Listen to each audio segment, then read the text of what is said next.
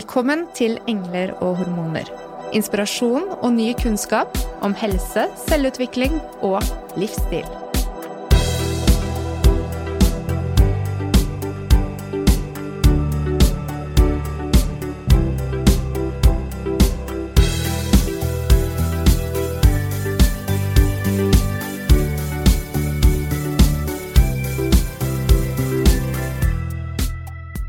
Å snakke om sex og seksualitet er vanskelig, selv om forskningen viser at jo mer du vet om egen kropp og seksualitet, desto lettere er det å ta valg som er gode og riktige for deg selv. Og det er vel akkurat dette vi ønsker for barna våre. I denne episoden så ønsker vi velkommen vår kjære helsesykepleier og sexolog Tone Bjørnson Ånnerå tilbake i studio, for å snakke om seksualitet og ungdom. Og barn.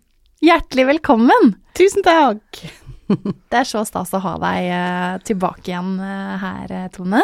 Takk for det, Ingvild. Jeg er veldig glad for å være her. Syns dette er så fint å prate om. Og det er så viktig. Mm. Fortell litt mer om deg selv for de av lytterne som ikke kjenner deg. Ja. em, jeg er mor til tre jenter. 11, 15 og 16 tror jeg de er nå. Ikke så lett å følge med. eh, og så har jeg jobbet med ungdom eh, i veldig mange år. Eh, og så har jeg også jobbet med barn før det, som helsesykepleier. Eh, jeg brenner veldig for både barn og ungdom, men også dette med seksualitet. Nettopp fordi jeg tror at det er mange som hadde hatt det mye bedre hvis de hadde klart å åpne opp i forhold til det temaet. Og det gjelder jo oss alle i alle faser av livet. Eh, Så derfor så er jeg veldig glad for å jobbe der jeg gjør. For jeg jobber på helsestasjon for kjønn og seksualitet, hvor jeg får lov til å jobbe med det jeg brenner for. Mm. Eh, og det er en helsestasjon som ligger under Oslo kommune, eh, som er et tilbud til alle mellom 0 og 30 år, hvor vi har samtaler om da disse temaene. Eh, og der jobber vi tverrfaglig. Leger, psy psykolog og helsesykepleiere. For å nettopp sette dette på agendaen. Ja, men så utrolig bra. Mhm. Det trenger vi, og vi ønsker i dag å komme med litt eh, tips til foreldre. Mm. For dette her med seksualitet hos barn, det er jo ikke bare bare, da. Nei. Eller Det- er det det? Nei, nei og det, det er jo ikke det. Eh, og så handler det jo litt om eh, Jeg tror det handler mye om vi som voksenpersoner som forholder oss til barn, enten hvis det er våre barn, eller hvis det er gjennom jobben vår, så handler det jo ganske mye om hvilket forhold vi selv har til seksualitet. Mm. Jeg tror vi på en måte må begynne litt der, fordi det som er det som er så flott å tenke på, er at vi alle mennesker har et seksuelt behov, og vi alle er født med eh, vår seksualitet. Så det er jo egentlig helt naturlig fra starten av. Eh, og det gjør jo at når et barn blir født, så er det jo noe med at da er man jo helt sånn blanke, som tabula rasa, som jeg pleier å si. Altså det er en blankt ark som skal fylles med erfaringer, opplevelser og følelser, og så blir man jo veldig preget av de man vokser opp med. Mm. Eh, og da tror nok jeg at for noen som kanskje da har hatt et litt vanskelig forhold til seksualitet, eller et um, anstrengt forhold til det, så er det ikke bare bare, som du sier. Eh, og plutselig skulle være helt åpen og snakke om det. Og spesielt ikke når barnet ditt blir litt eldre og begynner å stille veldig direkte spørsmål, for sånn er jo barn. De stiller jo spørsmål rett ut. Men så er det jo også litt sånn fascinerende hvis vi um, Vi vet jo en del om seksuelle responser, og vi vet at ereksjon hos gutter og det som heter lubrikasjon, som betyr at man blir våt i, i skjeden, hos jenter, det er observert like etter fødselen. Eh, og det, og så se, vet vi også at masturbering er en av de vanligste formene for et seksuelt uttrykk i barneårene. Eh, og at orgasmelignende responser er observert fra fem måneders alder. Og da kan man tenke oi, da er jo ikke så lett for et barn å uttrykke det. Og det er ikke sikkert man forstår det som det heller. Men det sier noe om at naturen vår har Altså at vi er har gitt oss en gave, da. Og at vi er utstyrt med noe som, som er ment å gi oss en nytelse og, og en god opplevelse. Og den kommer veldig tidlig. Mm. Og så er det interessant hvordan denne seksualiteten blir liksom eh, sosialisert inn i vårt samfunn og preget av vår kultur. Og når barnet som er blank, blank fra starten av, møter denne kulturen, så kan det jo ofte være litt utfordrende. Og kanskje litt vanskelig å forstå for barn. Hvorfor, er, hvorfor kan man ikke snakke om dette, hvorfor er det flaut, og de tingene der. Mm. Så ja, det er ikke bare bare. Så dette her burde jo kanskje egentlig inn i eh, omsorgen etter fødsel for mamma og partner, at de får vite om denne naturlige utviklingen fra så Mhm. tidlig av. Det var ikke jeg klar over. jeg. Ikke jeg heller. Aldri hørt. Nei, det er jo viktig å, å kunne snakke om, og jeg tror nok ikke så Det er ikke så rart dere ikke har hørt det, for jeg tror ikke vi snakker så mye om det. Nei. Eh, og nå har det jo heldigvis er liksom mye som skjer, tenker jeg, i forhold til seksualitet i vårt samfunn i dag. Så da har vi fått mer og mer oppmerksomhet at vi må snakke om seksualitet allerede fra barnehagen. Mhm. Men som du sier, Mona, så tror jeg det er viktig å også snakke om det til foreldre som nettopp har blitt foreldre.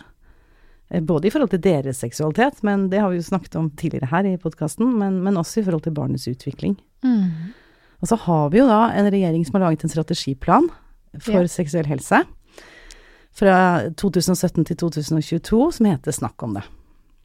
Og det handler jo om nettopp det, og det forordet er jeg veldig glad i. Og det vet jeg at mange med meg er glad i, for mange bruker det som intro til ulike undervisningsøkter og foredrag av Bent Høie. Men han er så tydelig i det foredraget, nei, i forordet, hvor han snakker om, um, om den nytelsen, og det er jeg så glad for. Mm. Og han sier dette med snakk om kraft. Mhm. Og at du har kjent denne kraften fra du var bitte liten, og du har kjent den da den begynte å bruse, og i puberteten, og du kjenner på spenningen. Og jeg syns det er så vakkert, fordi vi har jo en jobb å gjøre i forhold til det. Det har vært altfor mye fokus på det negative, og alt man skal passe seg for. Ja. Og vi snakker altfor lite om nytelse. Det handler om den balansen, da. fordi jeg tenker Mm. at det, gjennom å snakke om å normalisere seksualitet allerede fra barneårene, så er jo også det med på dette her med grensesetting. Det tror jeg òg. Det er kjempeviktig. For jo mer du forholder deg til egen kropp og egen seksualitet, og lærer fra barnehagealder at jeg har fem fingre på hendene, og så har jeg en tiss, liksom. Og den kan jeg også bli kjent med, og der kan det innimellom være godt å ta, og det er helt greit. Og hvis jeg har lyst til det, så har jeg kanskje da fått høre av noen voksne at det er, kan være ålreit at jeg gjør for meg selv. Men alle sånne ting er bare å si at så fint at du har oppdaget det, og så bra for deg, og så lærer da barna hvor det passer å gjøre ting. Mm. Så er det på en måte bare å, å prøve å være litt avslappet til det. Og ikke la det bli så kleint. Det var det, da. ja. Så um, Så hva skal skje da i rammene av eh, statlige rammeplaner, og hva skal skje i privat regi? For jeg tenker én ting er jo flott at det settes inn i barnehage og skole, men det er jo hjemme også gjerne. mm. Uh, man er mest privat Ja. og er seg selv. Så når er det naturlig å begynne å snakke med barn om seksualitet? Åh, Så godt spørsmål, Mona. Eh, har vi noe fasit på det, da? Eh, jeg tenker at eh, eh, Jeg tror det er veldig viktig å være åpen for hva barnet kommer med. Mm eh, når, når på en måte kanskje det stilles et spørsmål, eller barnet gir uttrykk for eh, eh, ville snakke om kropp og seksualitet, så tenker jeg det er veldig viktig at vi tar det imot og åpner, og ikke blokkerer eller utsetter. Altså man, Mhm. man kan jo godt si liksom, hvis det kommer i butikken at kan vi ikke snakke om dette hjemme, så det er ikke det jeg mener med å utsette, men at man liksom bare pusher det under fordi man opplever det ubehagelig selv Ja. så tror jeg det er viktig å ta det imot og følge barnets initiativ.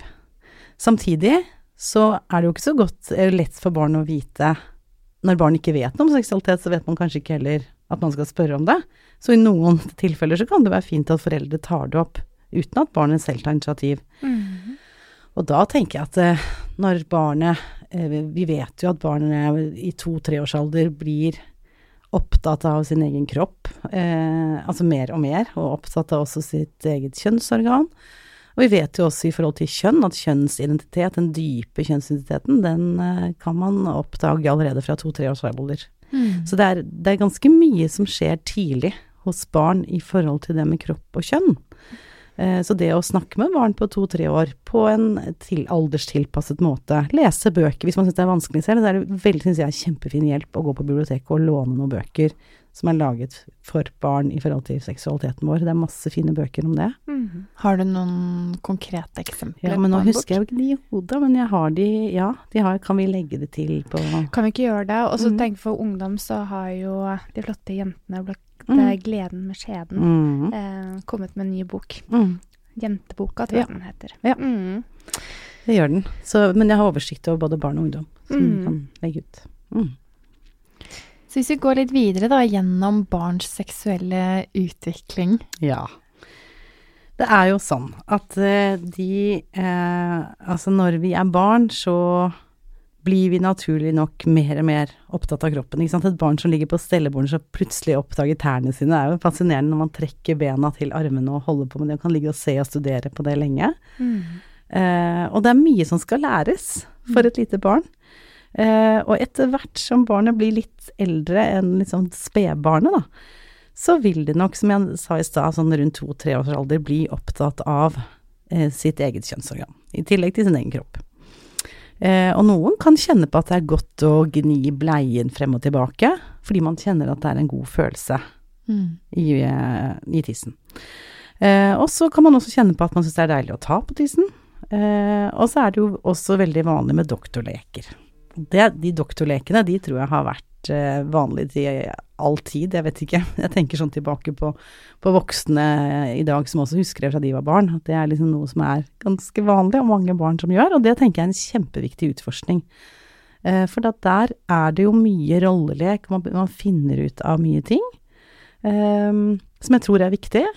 Eh, og så tror jeg det er også fint og, og bra at voksne kan tilrettelegge og, og passe på at det er samtykke, for innimellom kan jo det eh, være sånn at kanskje én bestemmer mer at den andre ikke vil, og så tør man ikke å si fra. Sånn spesielt tenker jeg hvis noe skjer i barnehagen, eller at man har med noen venner hjem, så kan det være greit at voksne har litt kontroll på at det er greit, da, for begge to. Mm. Men at man også får lov til å utforske litt sammen, bare barna. Eh, Så dette her eh, Jeg tror kanskje seg Mm. de som ikke har vært med på doktorlek Ja, skal jeg at, fortelle? Ja, hva ja. er det? Ja, For det, du begynte å snakke om samtykke, så hørtes det litt voldsomt ut i barnehagen. Ja. Hva er en doktorlek? Ja, det er sant. Det er jo da en hvor man leker doktor og pasient. Eh, som hvor, hvor man da en skal være den syke og bli undersøkt, og den andre skal være den som skal hjelpe, og som da er doktor. Ja. Og da er det jo ofte at man utforsker kroppen og ser, og så går man inn i et rollespill i forhold til det. Og så er det jo selvfølgelig dette med mor og far og barn-leker og de tingene òg, men, men ja, det er doktorleken. Det er.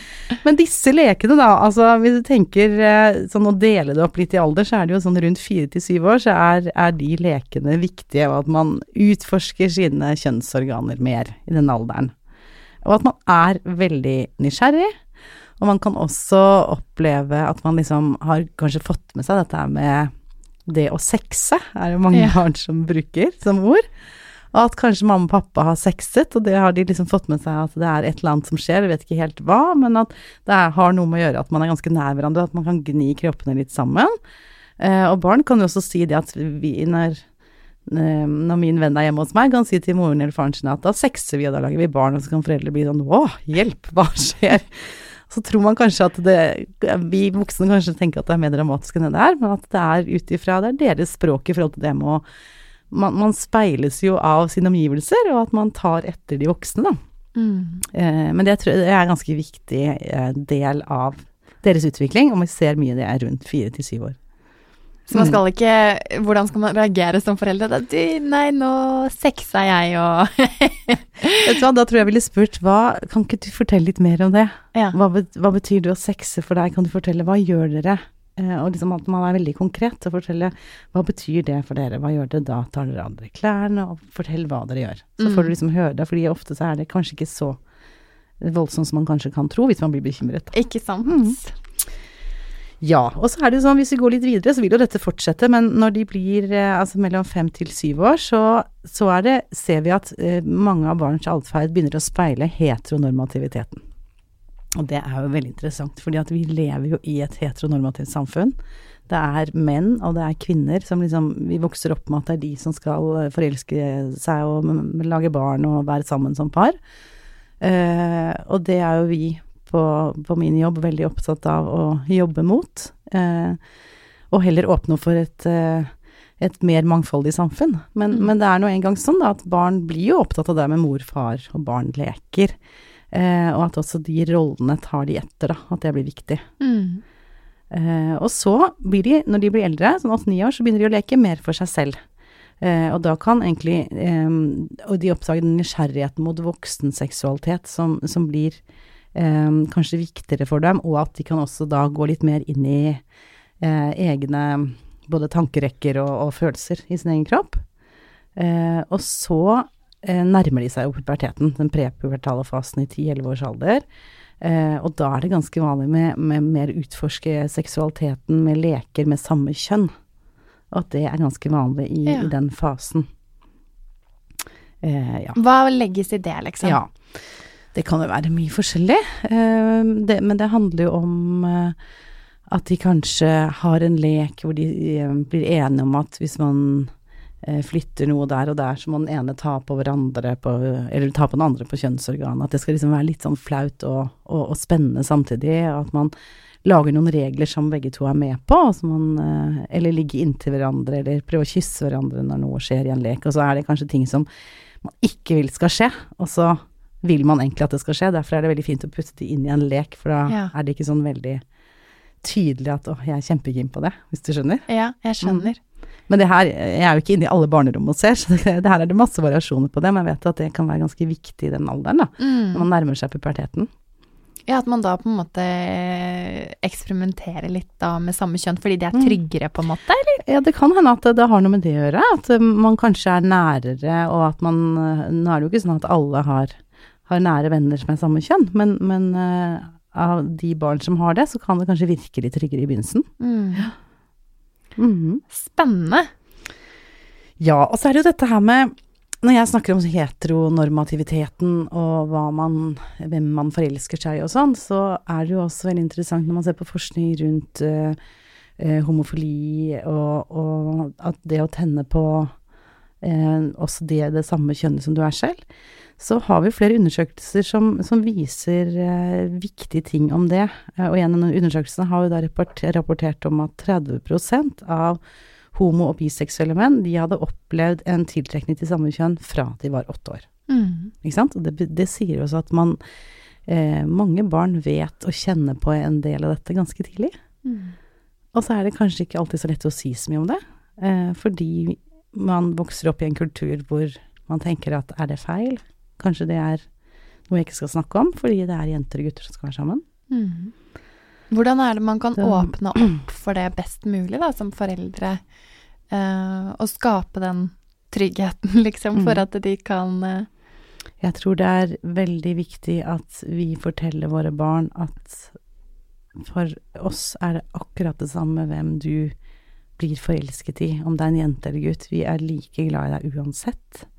Eh, og sånn er det med at, at noen blir forelsket i gutter som er gutter selv, og andre blir forelsket i jenter.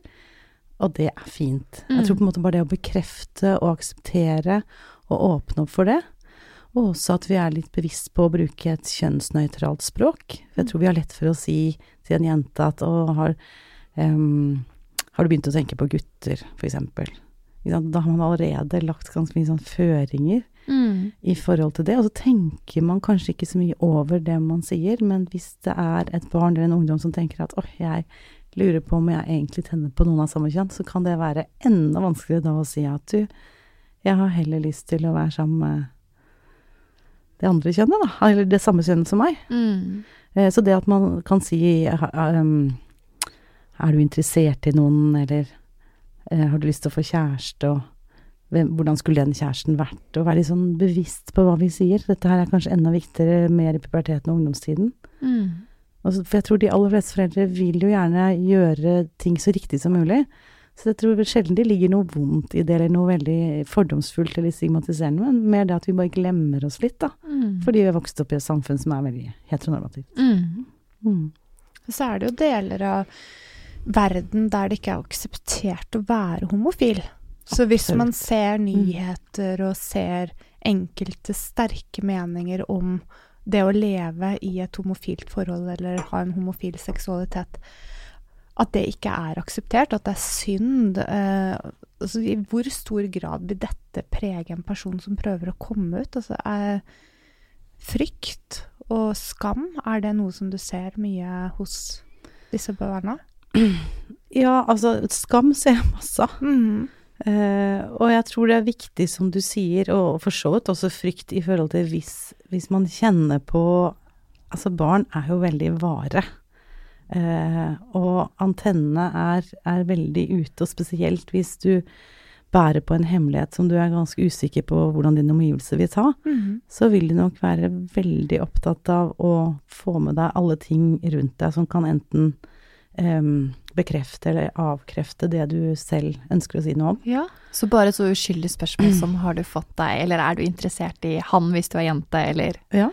Jeg, jeg At tror det- at man lett da kan tenke oi, oi, eh, er det rom for å si noe annet her? Ja. Og hvis du da sier at denne identiteten allerede kan gå tilbake til åtteårsalderen, da, så kan det Mm. være mange år før foreldre begynner å tenke på dette med har du fått deg kjæreste, hvordan er ditt liv utenfor hjemmet? Ikke sant? Ja, så det, det er mange år å kunne legge merke til kommentarer og tendenser. Det er mange tanker rundt dette. Ja. Men nå er det jo viktig, det er jo ikke alle som kjenner på det fra åtteårsalder, men, men, men 30 er jo litt. Mm. Eh, og ellers er det jo en del som kjenner på det når de nærmer seg puberteten. Mm. Mm. Men så kan det hende at det har ligget der en stund, men at det ikke kanskje er en så stor issue for det barnet at ikke det blir så vanskelig før de kanskje begynner å kjenne på at oi, nå begynner jeg å få følelser. Ja. Og det kommer jo en masse i puberteten, ikke sant. Så det men, men jeg tror det er viktig at vi er bevisst på det, og selv om som du sier, det, det er riktig det at det er jo mange land hvor dette er tabubelagt og forbudt, og, og det er jo Når man tar i nyhetene, så kan man jo fange opp sånne ting. Så det er liksom desto viktigere at vi som voksenpersoner og foreldre rammer inn dette for våre barn og gjør det til et trygt sted, da. Å være der hvor det barnet er. Mm. Vi har på en måte kanskje kommet litt sånn små hint innimellom, ikke sant, som kan passe. Og dette kan vi jo gjøre hjemme hvis dette er noe som resonnerer med lytteren, fordi det er jo ikke bare i utlandet, Tone. Vi har Det er jo jo ikke det. Nei, Nei, vi, nei, vi ser det jo Absolutt. definitivt i vårt samfunn Ja, ja, ja. Mm. Vi er i 2019 i Norge, og man hadde håpet vi hadde kommet lenger, men Ja. er, man ser jo det på pride rundt omkring i, i byer i Norge òg, at det er jo mange som syns dette er vanskelig, Mm. eh, og som opplever det ennå. Men, men heldigvis har vi kommet lenger, hvis vi liksom ser tilbake på hvor vi var, da. Og så jeg syns det er ø, flott å se bare daglig media, da. Eller skal vi danse? Eller så, så får faktisk mine barn nå rollemodeller derfra også, som er Ja, åpent homofile og bifile. Så det er viktig å være synlig. Mm. Mm. Det betyr jo masse, Ja, det gjør det. det å se opp til noen som tør å være åpne. Det er veldig bra. Så nå har vi da snakket en del om barn og seksualitet, og så Mm. kommer vi inn i denne åh, litt sånn grusomme fasen med pubertet, da. Det er kanskje ikke riktig ord å bruke grusom, men den er jo en berg-og-dal-bane. Mm. Ja. Kanskje litt utfordrende når det gjelder kommunikasjon også. Det er det nok. Ja. Det er nok mange som kjenner på. Ja, skal vi gå litt inn i puberteten? ja, veldig gjerne. Ja. For hvorfor er egentlig dette så flaut? Det er det jo mange som lurer på, dette med kropp, og, og jeg tror det blir eh, fra at Jeg skal si litt mer om det etterpå med, med, med barn, da, hvordan vi snakker med barn om seksualitet, men, men barn er jo så herlig direkte. Eh, og, og derfor så pleier jeg ofte å si, eh, som råd til foreldre, eh, at eh, det er veldig lurt å snakke med sine barn så tidlig som mulig om seksualitet. Fordi at når man tar det før puberteten, så kan man liksom få en god samtale uten at det er så flaut. Og da har man lagt og sådd noen gode frø, da. Eh, så hvis eh, dere som hører på har små barn, så vil jeg oppfordre dere absolutt til det. Å begynne samtalen tidlig. Eh, men når man da har barn som er i puberteten, og kjenner på at 'Å, mamma, du er så teit', eller 'pappa blir så flau', så er det jo en utfordring å komme gjennom. Mm. Og det mange barn og ungdom kjenner på, er dette her med at kroppen begynner å forandre seg veldig mye. Fra at man egentlig kanskje har kjent kroppen sin og vært trygg på at sånn er jeg, og det har jeg forholdt meg til ganske lenge nå, mange år, så plutselig begynner ting å skje. Og steder hvor det skjer, er jo ganske private det kroppsdeler. Det, tissen min endrer seg, og puppene min endrer seg, det er jo ikke sånn man går rundt og snakker om. Eh, I hvert fall sånn jeg tror barnet kan tenke. Mm. Eh, og så handler det veldig mye om hva slags forhold har jeg til kroppen min fra før? Hva slags forhold har vi til kropper i min familie? Eh, og her er det jo ikke noe fasitsvar, så jeg tenker at eh, vi alle voksne er preget av hvordan vi selv er vokst opp. Noen er mer sjenert enn andre, og andre familier sprader rundt nakne også. Det her er ikke noe sånn Alle familier har sin kultur, men det tror jeg også er med på liksom hvor, sjenert du blir, da. Eh, og så kan man jo selvfølgelig gjøre noe med det, men, men man har med seg det man har. Og så er vi mennesker, og kanskje spesielt barn, vi er veldig opptatt av å passe inn. Vi liker ikke å skille oss ut. Så hvis du kommer tidlig i puberteten, så kan det være skikkelig krise. At du liksom i fjerde-femte klasse begynner å vise tegn på en endring og nærme deg mer ungdomskropp, og så har ingen andre i klassen det. Mm. Det kan være ganske vanskelig. Jeg tenker et Altså, eh, er det vanskeligere for jenter enn for gutter? Hva tenker du på da? Altså, gutter blir ofte Altså, så, i hvert fall de jeg har pratet med, altså, jeg kan jo huske det selv, altså, blir så stolte over å få kjønnshår, eksempel. Ja. Mens uh, jentene har lyst til å dusje med trusene på, eller sånn Ja. etter gymtimen. Mm. Um, er litt mer Altså ikke er kanskje like god kontakt med sin egen kropp da, som jente kontra gutt. Nei. Det er nok sant uh, at uh, Altså, jeg pleier å si når jeg har undervisning til ungdom at det er en forskjell der. For hvis du vokser opp med en penis, så forholder du deg til den ganske tidlig i livet. For du må holde den når du skal tisse. Og du kjenner også ganske tidlig at den er hard på ulike tider av døgnet, som du kanskje ikke alltid forstår hvorfor. Men det er noe med at det gjør jo at man eh, får et sånn trygghet til eget kjønnsorgan ganske tidlig. Hvis du har en eh, vulva, som vi sier, eh, bare si det også, at eh, vagina er det jo mange som bruker, men det er jo skjeden, men vulva er jo ordet som jeg syns er viktig å bruke. Har du en vulva, så er alt på innsiden av kroppen, og det er, som, ja, det er mye mer skjult. Eh, og det kan kanskje være litt mer hemmelighetsfullt, og, eh, og så tror jeg også det ligger noe i dette her med at det med at gutter runker, det tror jeg også er litt mer sånn det vet man. Man snakker mer om det i samfunnet, at det er man litt så vant til, for gutter er jo så kåte. Akkurat som jenter gjør, gjør jo ikke det, og de er jo ikke sånn. kåte. Jeg, jeg tror, og jeg opplever jo min erfaring, som har jobbet mye med ungdom på videregående skole, at det er mye flere jenter som skammer seg over sitt eget kjønnsorgan når man har kommet måte så langt i alder, enn det, det gutter gjør. Uh, absolutt så finnes det gutter som gjør det, og det er ikke det, men, men jeg syns jeg ser det oftere, da. Uh, at eh, jenter ikke helt kjenner seg selv. Så jeg pleier å si ta et speil og se hvordan du ser ut, for det er kjempeviktig at du ser ditt eget kjønnsorgan. Og det er også, det kommer jeg inn på litt senere, men det med å bli kjent med egen kropp er kjempeviktig. Så ja, det kan godt hende at det er litt lettere for gutta, og at det er liksom, liksom manndomstegn, at wow, nå begynner jeg å bli en mann og få hår på tissen. Kjøre propell i dusjen og sånn, er ikke sånn garderobe, garderobehumor, Mona? For du ikke hørt om det? Nei. Litt sånn hockey, hockeygreie, kanskje, jeg vet ikke. Det er bra. Ikke at jeg har vært i en hockeygarderobe! Men så er det jo også Ingvild, med- keep talking. Men så er det jo dette her med Ja, det er bra med garderobehumor. Men for jenter så følger jo også denne mensen med, da, ikke sant. Og det er ikke sikkert at den For noen kan det være litt sånn eh, stort, da. At litt sånn åh, dette er et tegn på at jeg er blitt voksen, og at man liksom er litt sånn stolt når man får mensen. Men for mange i begynnelsen kan det være litt sånn styrete og kanskje ikke så gøy. Så det kan kanskje også være med på at ikke det er så gøy å, å komme i puberteten. Altså, det er jo gøy etter hvert, men at man kan, jenter kan kjenne det litt mer trøblete, da. I forhold til akkurat det. For dette med mensen er jo ikke alltid eh, Altså, ja, det er litt trøblete. Ja, det er jo egentlig det. Absolutt. Men jeg tror det er veldig viktig at vi må normalisere, og det har jeg jo sagt en del om nå med barn, men vi må ikke slutte med det. Når barna kommer over i puberteten, så må vi også normalisere. Og det er ikke bare på skolen og helsesykepleiere og lærere som gjør det, men foreldre hjemme må også normalisere. eh, Og snakke om at det er normalt at man kommer i puberteten, og at kroppen forandrer seg.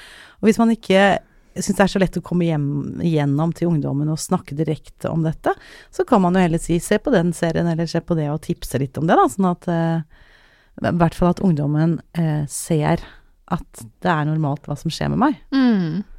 Og så skal vi jo snakke litt mer om porno etterpå, men det, for det handler litt om hva, hvilket bilde ungdommer har av hvordan en kropp skal være. Men det kommer Virkelig. vi- kommer vi inn på. Men dette her med Mm. mensen, da, jeg henger meg litt opp i det. Jeg hadde en veldig fascinerende menstruell debut. Hvis jeg skal fortelle den. Jeg fikk mensen på rideskole. Ja, hurra! Jeg var borte hjemmefra og turte ikke å gå på bensinstasjonen. Dette her var da på Tau i Rogaland. Um, Altså, det var jo ikke sant midt i ingensteds. Ja. Nesten. Og hadde ikke med deg noe utstyr til det? Hadde jo ikke med meg noe utstyr. No. Så når jenter er kommet opp i en viss alder Mm. Jeg tenker alle mødre bør sende med bind, Ja. Du vet aldri når de setter i gang. og da gå rundt i en, eh, i en ridebukse en hel uke med trusa full av toalettpapir, var ikke Ja. akkurat eh, Åh. Ja. Uff. Den er litt tragikomisk. Ja, ikke sant. Det er sånn som brenner seg fast, da. Virkelig. Og så er det, det, er jo det å spørre noen voksne på ridskolen, det koster jo også ganske mye. Ja, det, jeg turte ikke det, i hvert fall. Men her har du en historie om mensen. eh, Ja, vet du hva. Altså, jeg, jeg tenker det med mensen syns jeg egentlig er så kult. Det er jo egentlig noe helt fantastisk. Altså, selv om vi Kult og kult. Jeg har hatt mine, mine strabaser, jeg òg, med vondt i magen og kjent på nei, nå kommer det igjen. hat-elsk-forholdet, Ikke kjenner sant? jeg. Ja. Det er jo ikke sånn at jeg har digga det hver måned, altså. Det er ikke det jeg mener. Men, men hva som skjer i kroppen, syns jeg er veldig fascinerende. Mm. Og det er ikke alltid så lett for barn og ungdom å egentlig forstå. Jeg har hatt mange samtaler også med videregående elever hvor dette med mensen er litt sånn der spørsmålstegn i forhold til syklus og hva er det som egentlig skjer. Mm. Så jeg prøvde meg på det og tenkte at kanskje jeg skal prøve å lage et eventyr. Jeg vet jo ikke om det treffer eh, alle i hvilken alder jeg treffer på, men, men det har jeg innimellom brukt litt i undervisning til andre helsesykepleiere og tenkt at kanskje det kan være med på å gjøre det litt tydeligere hva er det som egentlig skjer i kroppen. Mm. Så jeg kan godt ta det nå. Veldig gjerne. Ja. Veldig gjerne. Det var en gang et egg som lå inni skallet sitt. Der var det varmt, trangt, trygt og godt. Egget var ikke alene. Det lå sammen med tusenvis av andre egg, tett inntil hverandre. Men alle lå i hvert sitt skall. Egget visste ikke om noe annet enn den verden som var inni skallet, men likevel var det nysgjerrig på hva som var utenfor. En dag begynte egget å vokse. Det ble større og større, og det ville mer og mer ut av skallet sitt. Det kjentes egentlig ut som en ballong som vokste og vokste. Etter to uker inni skallet kom endelig dagen. Ballongen sprakk, og egget kom ut til en helt ny verden. Det var spennende og skummelt på en gang. Hvor skulle det nå? Hvordan skulle de finne veien? Det lå og fløt en liten stund, da det plutselig kjente det at noe sugde den inn i en tunnel. Det var som en vind viste det vei innover tunnelen, og nå begynte reisen å bli morsom. Etter vel og lenge i tunnelen kom egget inn i et stort rom, et rom som lignet på en pære i formen. Hva var dette for et rom, og hva skulle skje her? Egget brukte tiden på å bli kjent i rommet. Det var lyserøde vegger som kjentes litt ut som en seng. Skulle egget bo her, mon tro? Skulle det vokse inne i pæren? Da egget vandret nedover tunnelen, så hadde det lurt på om det ville møte noen. Hvis det hadde kommet noen andre forbi, så ville egget invitert dem inn til seg, så de kunne bli bedre kjent. Men det kom ingen forbi. Egget var helt alene, både i tunnelen og i det lille pæreformede huset. Etter en god stund så skjedde det enda noe rart. Veggene inne i pæren løsnet. Det som lignet en seng, var nå en rød væske, og egget følte nesten som det satt på en vannsklie. Nå suste det av gårde sammen med den røde væsken nedover en vei den ikke hadde sett før, og til slutt endte sklien ut i do hvor det var mye mer vann. Der ble det skylt nedover og ut i det store havet, og seilte fornøyd videre på en flåte. Snipp, snapp, snute, så var eventyret om egget ute. Fantastisk. Litt Karius og Baktus her. Karius og Baktus. Men dette her er jo litt komplisert å forstå, liksom. Når blir man gravid, og når får man mensen, og hva skjer med dette egget, og kommer noen inn eller ikke, og hvorfor blør man egentlig? Mm. Så kanskje det kan være en sånn utgangspunkt, og dette er, tenker jeg ikke er bare man kan bruke på skolen, men det kan jo være, hvis det inspirerer noen nå, så kan man kanskje ta den praten hjemme òg, Mm. og prøve å gjøre det litt enklere, da. Jeg tenker så mye av det du har snakket om i dag, Tone. ehm, og for å ta sirkelen tilbake til der du startet, det med å være trygg på seg selv Mm. eh, og vite hvor du kommer fra når du skal ta disse samtalene. For jeg tror å være forberedt og vite dette kommer. Eh, så bare gjør dere klar, mamma og pappa, eller Mm. mamma og mamma, eller pappa og pappa, Mm. på at eh, dette må vi snakke om, og kanskje Mm. greit å snakke om det på forhånd hjemme også, sånn at vi vet hvordan vi skal ta det. Mm. Eh, fordi det er jo En ting er nytelsen, og alt dette flotte og det som faktisk driver livet vårt videre. Mm. Men så er det noen områder rundt seksualitet som også kan være utfordrende. Det kan være krenkende, og det kan sette oss eh, Selv om vi har snakket om vanskelige ting nå, kanskje som kan føles vanskelig, så, så ser vi ting nå i sosiale medier, i, på YouTube og der vi finner informasjon som, som kanskje setter barn i en liksom, urealistisk forventning til hva seksualitet er. Helt klart. Ja. Mm. Så pornografi er Mm. lett tilgjengelig nå. Hvor lett tilgjengelig? Når begynner, eh, begynner barna våre å se på pornografi, eh, Tone? Vi har, det er ulike, eh, altså flere tall vi har på det, men politiet snakker om at barn ned i åtteårsalderen ser får tilgang til porno. Og vi vet jo egentlig hvorfor, og det er fordi at med en gang du får en smarttelefon, så er veien veldig mye kortere. Så eh, porno kommer inn i eh, inn i barns egentlig hverdag og bevissthet, det noen mer enn andre, veldig tidlig. Og jeg føler meg så gammel, jeg. Når jeg, liksom, jeg er 45 år, og jeg i undervisning og snakker med at å, når jeg vokste opp, hadde vi ikke internett, vi.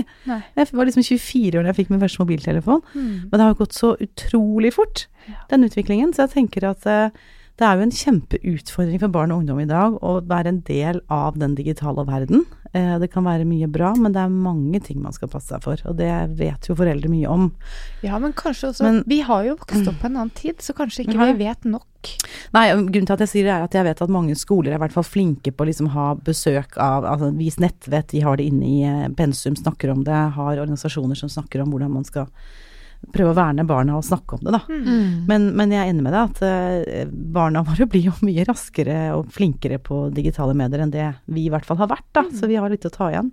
Men tilgangen til porno er helt klart til stede. Og det som, som vi opplever, og som jeg syns er bekymringsfullt, er jo at eh, barn og ungdom i dag får en eh, Får dessverre litt sånn urealistisk bilde av hva sex kan være. Eh, fordi det er eh, Det er jo selvfølgelig veldig variabelt. Noen barn ser nesten ikke på porno, andre ser det mye, og det er, det er vanskelig å måle det. Men, men hvis, hvis det er på en måte inngangen, da, og så vet vi jo at seksualitetsundervisning i skolen er veldig ymse kvalitet. Eh, Det er litt sånn å vinne i Lotto. Hvis du har noen som er veldig engasjert på skolen, så kan du være heldig. Um, men hvis det ikke snakkes så veldig mye om på barneskolen, og det er liksom ditt møte med seksualitet, og så blir man jo som barn, man er jo nysgjerrig, og dette er ting man ikke kanskje har forholdt seg til og sett så mye før, og så ser du liksom noe som er ganske heavy i forhold til to mennesker. Så tenker jeg at det er så viktig å være klar over hva porno ikke forteller deg. Mm. Uh, fordi uh, for eksempel det der med at det er uh, veldig mye intimitet i nærhet og kommunikasjon, og nettopp det du sier, Mona, at ting kanskje kan skje uten at man ønsker det selv, at man tråkker over grenser. Porno lærer oss jo ikke noe om hvordan vi snakker sammen, og hvordan vi bruker, altså utvikler oss sammen og blir trygge på hverandre, eh, tester ut følelser, kjenner på følelser. Eh, og, og hvis du på en måte bare får Det blir veldig teknisk hvis det er veien inn til seksualitet. Og vi ser jo hos flere barn og ungdom som har ganske sånn seksualiserte vi- leker, hvor vi tenker at hvor kommer dette fra? Mm. Det kan selvfølgelig være noe man har snappet opp fra foreldre som har, har sex, men veldig mange er jo preg, eller har da fått med seg ting fra porno. Ja. Også dette her med, med ungdom som kan Altså dette med smerter i underlivet hos jenter Mm. ser vi jo mer og mer av. Og det er mange årsaker til det. Men det er også interessant at pornoen lærer oss ikke at hvor viktig det er for f.eks. med et seksuelt forspill før man har penetrerende samleie. Mm. Der kan det jo se ut som at å, det er greit, hun ligger og stønner og nyter, og så skal hans penis eh, Nå snakker jeg om heteroporno, da. Det er jo mange ulike pornovariasjoner, men, men akkurat det så er det jo sånn at det kan virke som det er helt herlig. Eh, og det vil hun selvfølgelig da gjøre, både hun og han, i timevis. At man kan tenke at penetrering varer i timevis. Eh, og hvis, hvis det er det som blir din referanseramme, så skal du da eh, så har du kanskje snakket litt om på skolen, men ikke det har vært tatt opp så mye, og så har du le, fått med deg det gjennom porno, og så skal du teste det ut, og så tenker du at ja, ja, det er vel sånn det skal være, og må vel kanskje være litt vondt, da. Og så pusher man seg selv, og så eh, er det jo ingen som på en måte korrigerer deg, da, hvis ikke det blir snakket nok om det. Så derfor tenker jeg porno må inn i skolen. Altså det må snakkes om i undervisningen. Eh, fordi at det er blitt en, altså en stor del av barn og ungdoms hverdag, da. Så det å liksom være klar over at, eh, at du må være kåt, for da blir du våt. Og hvordan blir du kåt? Det er eh, som regel ikke å bare begynne med en penetrering med en gang. Men, eh, men det handler om å ta på hverandre og være trygge på hverandre og kose seg, rett og slett. Da. Mm. Eh, så det er liksom det der med å si det er mye mellom null og knull. At man faktisk kan bruke tid på mange andre ting som jeg skulle ønske kanskje kunne vært mer fokusert på, da. Og så ikke minst hvordan ser man ut, da. Hvilke kropper har man på, på porn, i pornoens verden? Eh, er det sånn at eh, de med penis skal ha en penis på 18-20 cm? At det liksom er innenfor normalen? Da tror jeg man lett kan bli skuffet i, både i forhold til sin egen kropp hvis man har penis, eller møte med andre at å ja, trodde det var sånn. Mm. Kan være langt ifra. Eh, og da er det viktig å si at en, eh, norsk gjennomsnittspenis er 13-15 cm. Eh, og det er et snitt. Eh, det betyr at eh, man kan ha mindre enn 13 cm òg. Og, og det er så viktig å si at det er normalt. Du er ikke unormal. Eh, og når du sa, Ingvild, i stad dette her med at jenter kanskje skammer seg mer, eller syns det er vanskelig med pubertet, så tenker jeg også i forhold til pornografi at hva er det man ser hos en med vulva, da? Det er jo ofte en glattbarbert vulva som liksom skal være perfekt, i den grad at de indre kjønnsleppene er ikke synlige, og de er inne, innenfor, og de ytre kjønnsleppene er sånn litt stramme barnekjønnslepper. Man tenker at sånn skal man se ut. Sant? Og det er jo sjokkerende når man hører om at jenter går kirurgisk til verks for å gjøre noe med dette, fordi de ikke er fornøyd med seg selv. Og hvor kommer det fra? Jo, det kommer jo fra sosiale medier, som du sier. Eh, og det her må vi som voksne fortelle barna våre og ungdommene våre at vet du hva, det er normalt at de indre kjønnsleppene kan være lengre enn de ytre. Du ser helt fin ut, eh, hvis man eh, får lov til å se og en datter spør om det, eller at man spør, at man kan snakke om, om det og si at det er så stort mangfold. Og det er jo ingen av oss som har like neser eller like ører, så hvorfor skal vi ha like kjønnsorgan nå? Mm. Så alt dette her er fint. Så hvis man liksom klarer å ta det litt ned og forklare at porno er skuespill Mm. De er betalte skuespillere for å på en måte iscenesette noe, men de har bare gått inn i en scene, men, men vi får ikke med oss alt som er rundt, da. Så det tenker jeg er kjempeviktig å snakke om, at det er, det er klippet og det er fake. Um, og en, en gjennomsnittlig penetrerende samleie er jo bare på tre til fem minutter. Det er ikke timevis. Nei. Så her har vi en jobb å gjøre. Det er viktig å ta opp. Og så er det jo um, En ting er det kanskje urealistiske da, i å få forventningene fra pornografi, men en annen ting er dette med fokus på kjønn. Mm.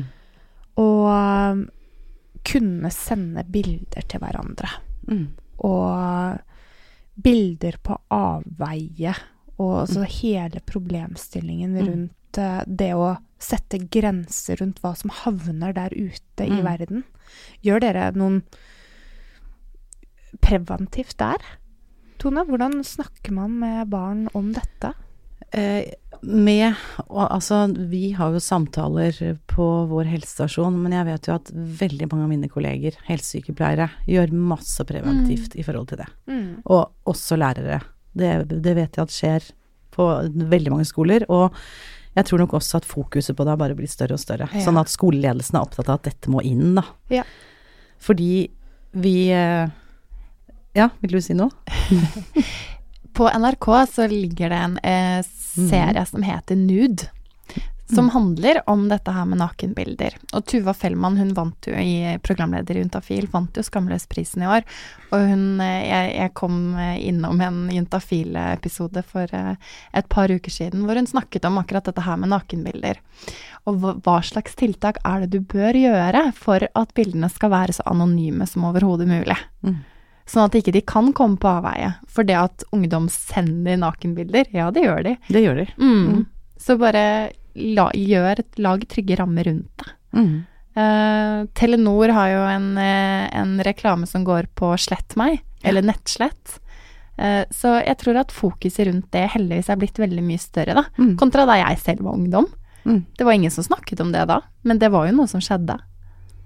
Ja, jeg er helt enig, og jeg Mm. tror ikke veien å gå er å liksom si at dere må ikke sende bilder, ungdom. For Ikke sant? Det Da nytter jo lukker du liksom døren, for det er jo barn og ungdoms kommunikasjonsvei. Og det er, da er vi litt tilbake til, til eh, elektronikken og hvor langt vi har kommet i sosiale medier i forhold til sånn da vi var unge. At det er deres måte å kommunisere på. Så det kommer til å skje, akkurat som du sier, Ingvild. Det gjør jo det. Mm. Så da handler det mer om å hjelpe dem til å ha Altså gi dem gode verktøy, da, til å eh, vurdere og reflektere før man sender noe.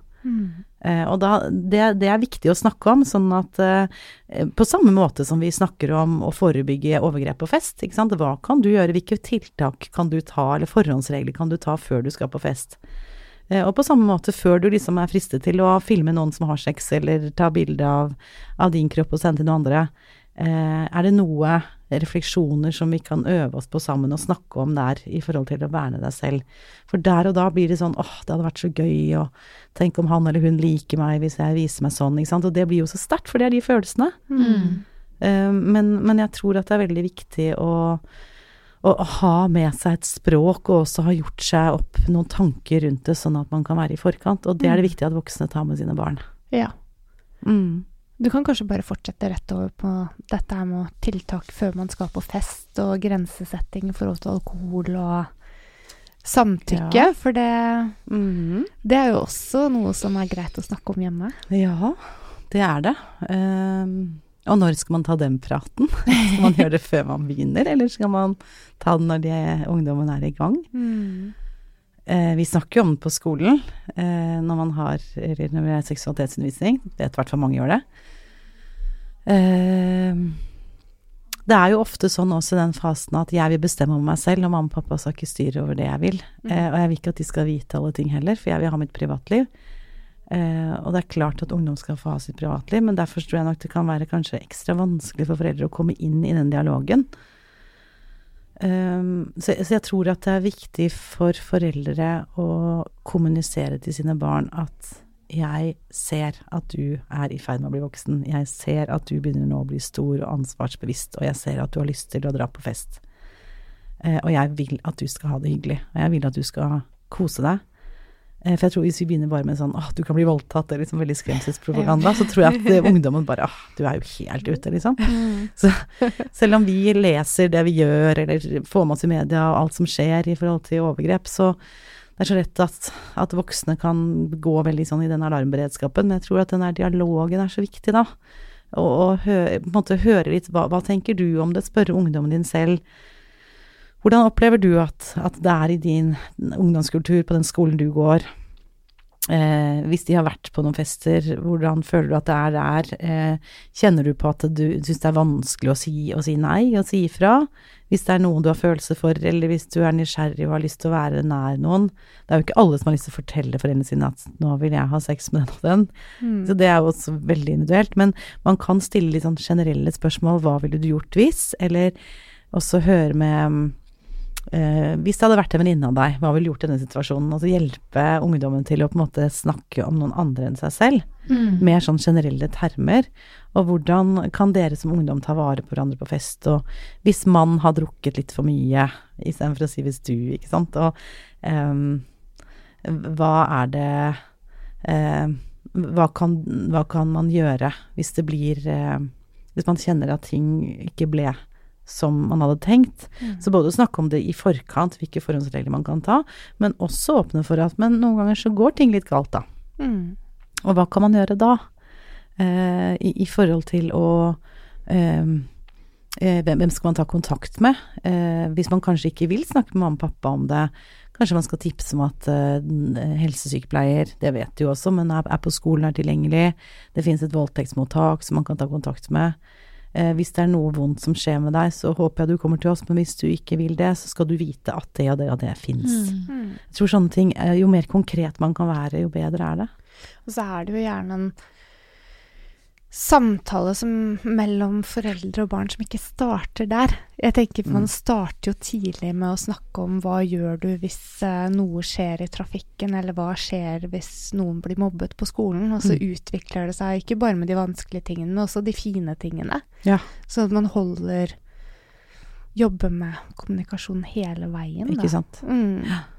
Nei, jeg er helt enig. Marisa, nå gikk vi rett inn Ja, i jeg vet. Ja. Det var min feil, Tone. Nei, nei, men det er helt greit. Men, jo, jo, men det er viktig at du sier det, fordi at eh, da har man jo på en måte opparbeidet seg en måte å snakke sammen på og blitt trygge, da. Ja.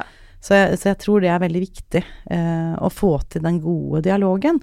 Og hvis man syns det er vanskelig, så, så ikke vær eh, ikke, ikke vær redd for å spørre noen andre om litt veiledning og hjelp, eventuelt andre foreldre eller helsesykepleier, eller ta en prat med noen man har tillit til og tenke at dette, dette her syns jeg er skikkelig trøblete, og kanskje fordi jeg kjenner at her møter jeg meg selv litt i døren. Mm. tenker det å jobbe som sexolog handler jo også veldig mye om den utdanningen jeg har tatt, å møte seg selv, og hvilket forhold har man til egen seksualitet.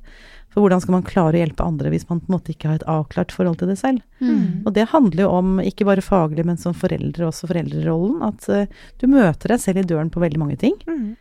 Og du blir hissig og sint når du har pubertale tenåringer som trigger deg, ikke sant, med masse følelser, og hvordan er det du står i det? Mm. Noen ganger er det- urimelig, andre ganger så er det kanskje at du kommer opp ting som ikke du syns var så lett selv, da. Mm.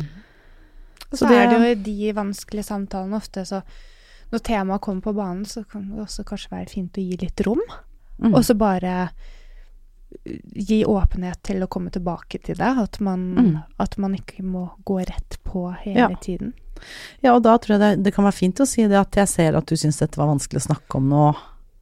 Kanskje vi skal eh, fortsette praten litt senere. Mm. Eh, på samme måte som når et barn stiller deg et spørsmål.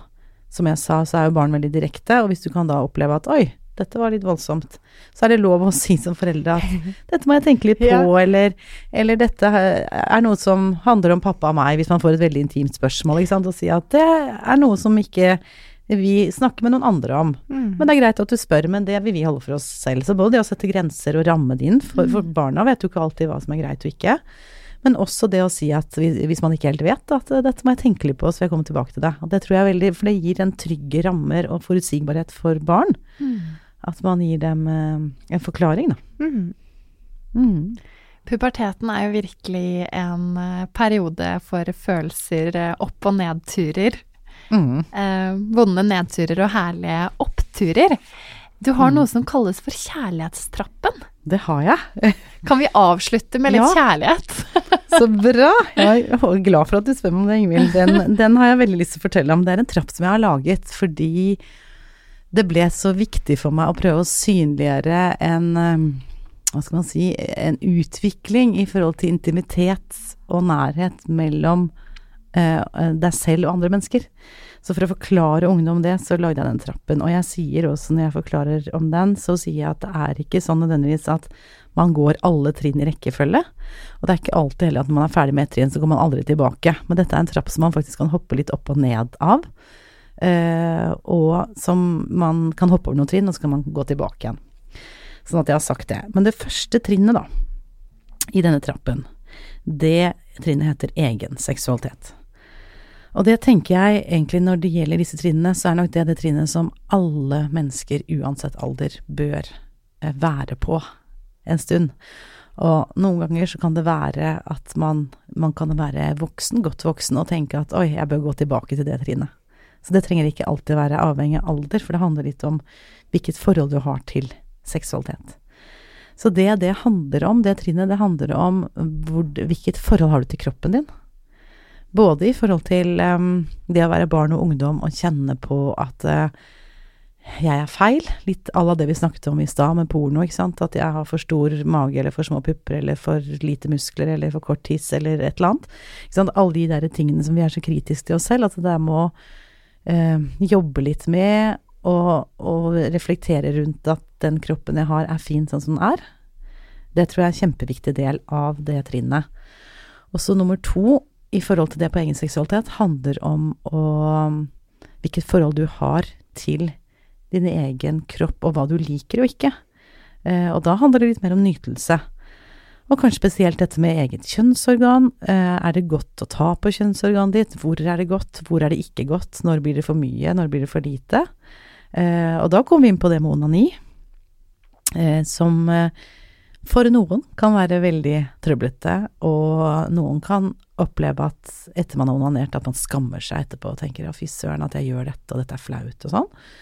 Uh, og derfor så bruker jeg tid også når jeg har undervisning og sier at dette skal man ikke skamme seg over. Vi har jo seksuelt behov, det har vi jo snakket om, dette er helt naturlig. Uh, og derfor er det så viktig å tenke at uh, jeg kan utforske kroppen min, og det skal jeg få lov til uten å få dårlig samvittighet. Fordi at hvis du har det trinnet på stell, så er det så veldig mye lettere når man kommer til øverste trinn, som er en seksuell handling. For da er det mye lettere å fortelle den partneren eller de du har sex med, at dette liker jeg, og dette liker jeg ikke. Så det, egenseksualitet er liksom egentlig mm, basicen som må være der. Så det er første trinn. Og så kommer andre trinn, og det er interesse. Og interesse Vi lever jo i, i et samfunn som er omgitt av andre mennesker. Eh, og etter hvert, og nå tenker jeg både seksuelt, men også emosjonelt i forhold til kjærlighet, så kan det være at du blir fascinert av noen. De fleste av oss blir jo det, på en eller annen måte. Helt uavhengig av kjønn, selvfølgelig, og hvem vi tiltrekkes av, men at vi får en fascinasjon for noen. Og det eh, kan jo være sånn at eh, du oppdager det på treningen eller på skolen eller i mm, barnehagen for den saks skyld, men at det er noen som fanger interesse mer enn bare en venn, men noe som du har lyst til å bli bedre kjent med. Eh, og det gir deg på en måte en eh, Det kan sette i gang noen prosesser hos deg, denne interessen. Eh, og det kan føre til at du kanskje utvikler følelser, som er neste trinn. Og som du sier, Ingvild, så er følelser i puberteten er jo noe veldig massivt. Vi alle mennesker har jo følelser. Og jeg sier også når jeg har undervisning at eh, jeg kan også kjenne på at jeg er glad og forelsket og er lei meg og alt dette her, men dere er ganske heldige, egentlig, dere som er ungdom, for det er så sinnssykt sterkt hos dere. Så det kan være det der å ha gode følelser når du er tenåring, så kan det være det beste i verden. Altså du bare kjenner at du overstrømmes av lykke. Nettopp fordi dere har så mye kjønnshormoner i kroppen, så det er en fysiologisk forklaring på at det er sånn. Og så kan det være, så jeg sier også at jeg regner med at dere har nok opplevd at dere har vært Men så kan det være motsatt, da. At det kan være negativt. Altså du har opplevd også at du blir fly forbanna på mamma og pappa. At du er så sint at du liksom sånn lemmer, du føler at du sprekker. For det er så sterkt den motsatte veien også. Eller at du har følelser som ikke blir gjengjeldt. Sånn at du um, blir da helt bunnløst fortvilet i kjærlighetssorg. Kjærlighetssorg skal man ikke undervurdere. Det er tøffe saker. Så når du er eh, tenåring, så vil de følelsene være veldig sterke opp og ned. Mm. Så, så, dette trinnet i trappen tror jeg er utrolig viktig, for jeg tror det er viktig å bli kjent med dine egne følelser, og viktig å bli bevisst følelsene du da etter hvert utvikler for en annen person. Eh, og der tror jeg også at det skjer mye modning i din egen trapp ved å bruke litt tid på de følelsene. Mm. Og la oss si nå at de følelsene du har for den andre personen er gjengjeldt. Da er det jo lykken på jord. Og så blir man kanskje kjærester. Og da kommer vi på neste trinn, som er intimitet. Eh, eller nærhet, som du kan kalle det.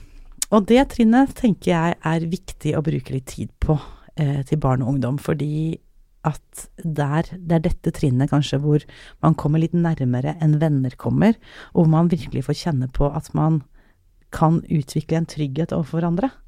Eh, for det handler jo om at man holder hverandre i hendene, at man koser eh, med hverandre, sitter inntil hverandre, kanskje også uten at det er en seksuell handling, men kysser litt, at man liksom begynner på den nærheten.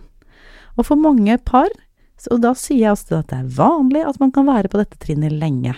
For jeg vet at noen, kanskje spesielt elever i videregående, kan føle på et veldig sånn press på at å nei, nå er jeg 16-17 år og jeg er jomfru, dette er pinlig, jeg må jo ha sex med noen.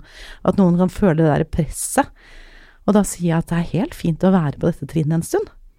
Fordi at det er ingen som bestemmer når du skal ha sex utenom deg selv er, vi har en selvbestemt seksualitet, og det er så viktig at de er bevisst det.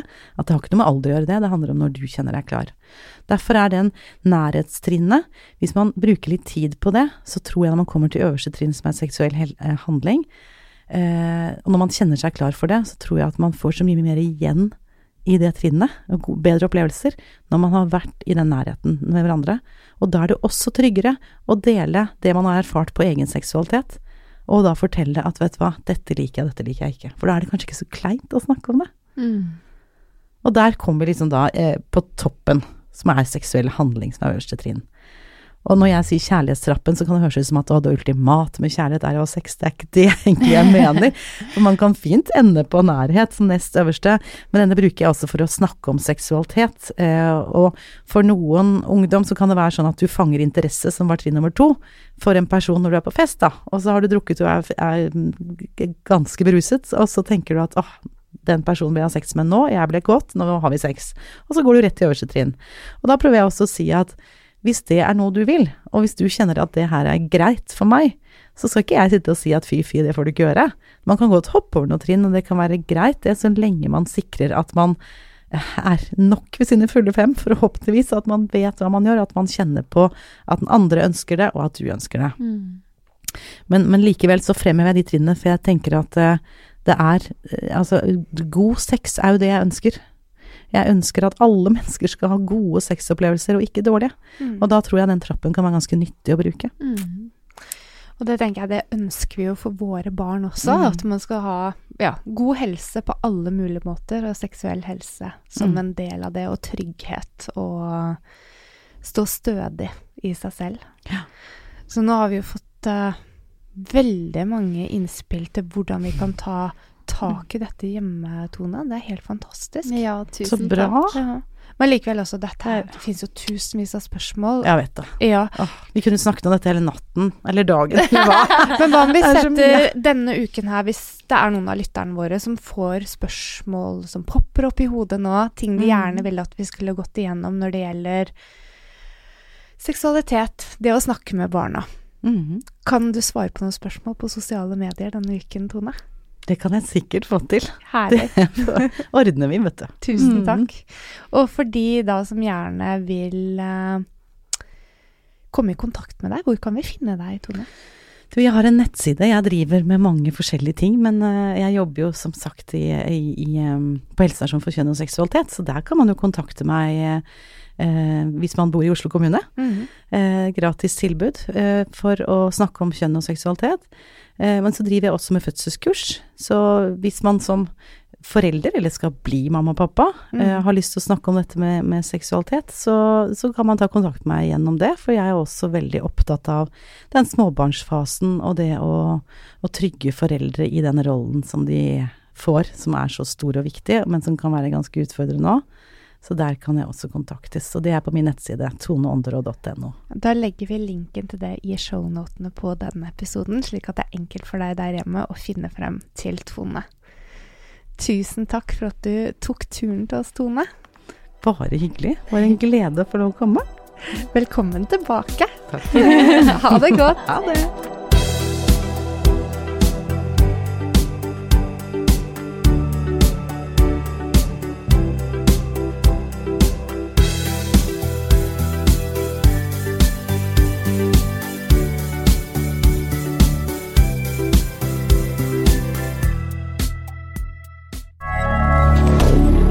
Media.